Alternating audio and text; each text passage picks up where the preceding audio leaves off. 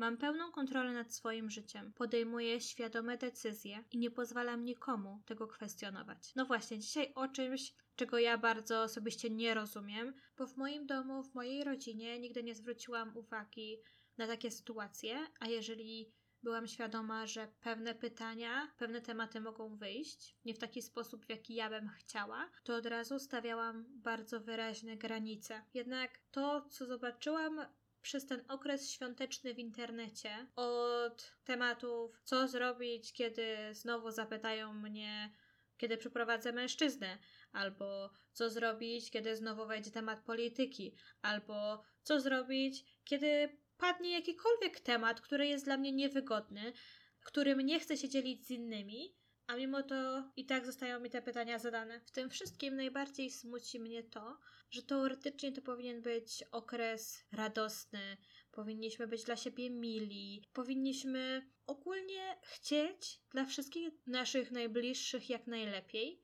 A w konsekwencji sprawiamy, że ten okres dla nich jest najcięższy, najniewygodniejszy, właściwie to wolałabym zostać tu, gdzie jestem, a nie jechać do domu rodzinnego na święta, bo, bo znowu będę musiała przechodzić przez to. Ach. A to nie o to chodziło, nigdy nie chodziło o to, żeby komuś dopiec. Jednak wydaje mi się, że jest to spowodowane brakiem postawienia konkretnych granic, byciem nieszczerym ze sobą i ze swoimi najbliższymi, a na dokładkę posypane to strachem, bo przecież co się stanie, jak powiem, co myślę? Popsuje wszystkim święta. Nieważne, że Właściwie tracę trochę godności przy tym wszystkim, zapominając o sobie i o swoich wartościach, o swoich granicach, o swoim życiu. I teraz mógłbyś, mogłabyś powiedzieć: No tak, Nina, łatwo ci mówić, przecież moja rodzina nie zrozumie, moi rodzice nie zrozumieją, nie przegadam babci, nie wytłumaczę cioci. Czy tak rzeczywiście jest? Czy to oznacza, że mam zapomnieć o sobie i o tym, co ja czuję, i tym właściwie, że jakby tylko ty jesteś odpowiedzialny za siebie. Nikt inny, tylko ty musisz zadbać o to, żeby inni traktowali cię poważnie, żeby szanowali twoje zdanie i twoje decyzje. Jeżeli jesteś w takiej sytuacji, to posłuchaj do końca. Może coś z tych rzeczy, o których teraz ci powiem, dadzą ci do myślenia.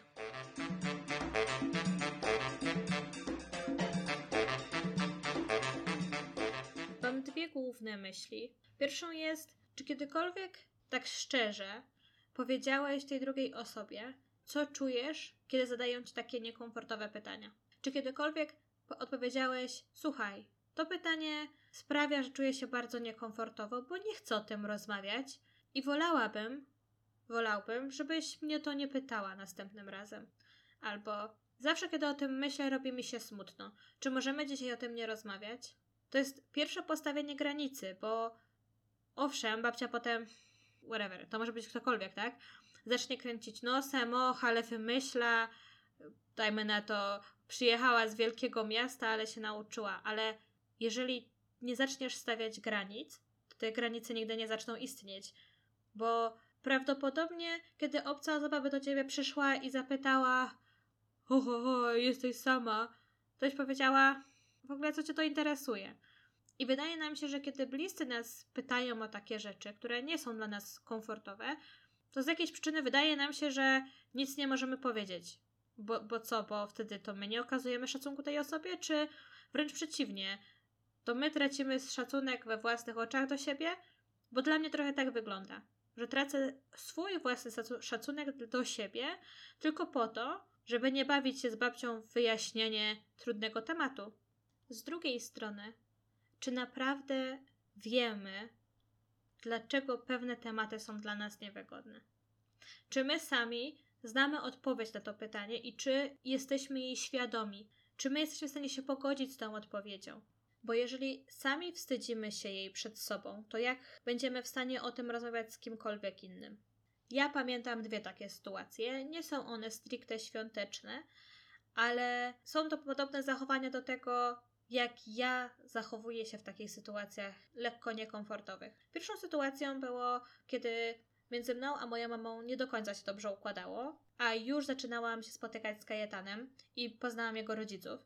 I jego tata zaczął coś tam ciągnąć w temacie mojej mamy, kiedy ją poznają, co tam, jak tam.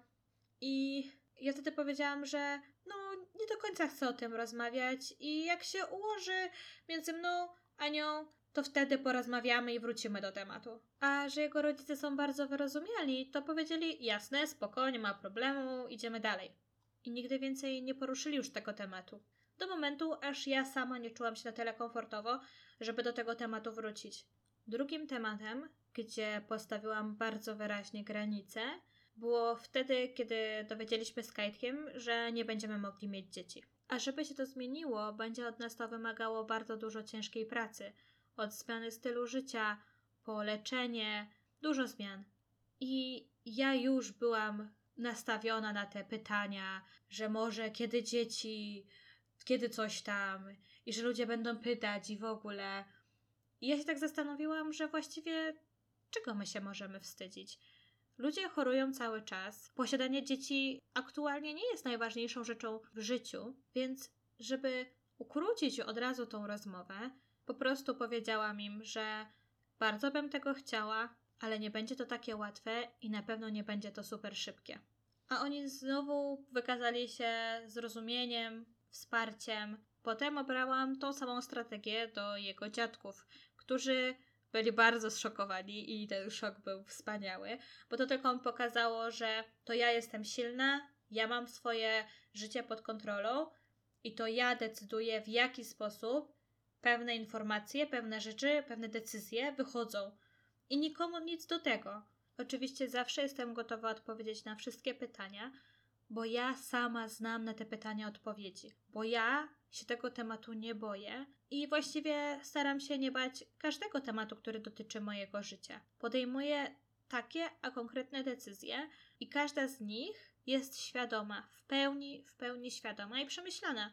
I dzięki temu nikt nie jest w stanie mnie zawstydzić, zakłopotać bądź zaskoczyć. Niestety jest też druga strona, którą odczułam ostatnio i która mnie bardzo zdenerwowała, bo podjęłam w swoim życiu pewną decyzję. Dokonało się to według tego, jak ja chciałam, a mimo to ktoś miał czelność rościć sobie prawo do tego, żeby ocenić, czy zrobiłam źle, czy dobrze. I czasem jest tak, że ludzie po prostu nie zrozumieją, że w ich życiu pewne granice nie stoją tam, gdzie wasze. A najczęściej jest tak, że oni bardzo chcą przesuwać wasze granice, jednocześnie nie przesuwając swoich. I czasem niestety to boli, czasem jest nam po prostu przykro. Chcemy zostać zrozumieni, chcemy być akceptowani, ale niestety nie da się być idealnym. Nie da się zaspokoić każdego oczekiwań. I to nic złego. Nie ma nic z tym złego, że nasze oczekiwania czasem się rozjadą, że te oczekiwania nie zostaną spełnione, bo jeżeli nie zostaną spełnione, zawsze można się zastanowić, czy były te oczekiwania ok, ale jeżeli nie były, to wcale to nie oznacza, że musimy dalej w tym tkwić.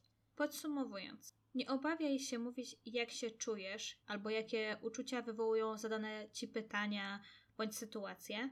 Po drugie, zastanów się, co tak naprawdę jest odpowiedzią na te pytania i czy ty dobrze czujesz się z tą odpowiedzią. A po trzecie, pamiętaj, że nie żyjesz po to, żeby dogodzić wszystkim. I jak idealnych odpowiedzi byś nie miał, nie miała, to zawsze znajdzie się ktoś niezadowolony. A dla mnie najważniejsze jest, żebyś był zadowolony z samego siebie i żebyś miał pełną kontrolę nad swoim życiem i stał stabilnie na nogach, bo wtedy jesteś w odpowiednim miejscu, żeby ruszyć do przodu i osiągnąć swoje cele, ale także, żeby zadbać o tych, którzy są wokół ciebie. Ja nazywam się Nina Puszpokumara i jestem trochę szurnięta, ale dobrze mi z tym. Potrafię stawiać granice i moi znajomi o tym wiedzą. Jeżeli ty też chcesz się tego nauczyć i różnych innych rzeczy, to zapraszam cię w poniedziałki i piątki na mój podcast o godzinie 19. Życzę ci wspaniałego tygodnia i do usłyszenia. Pa, pa!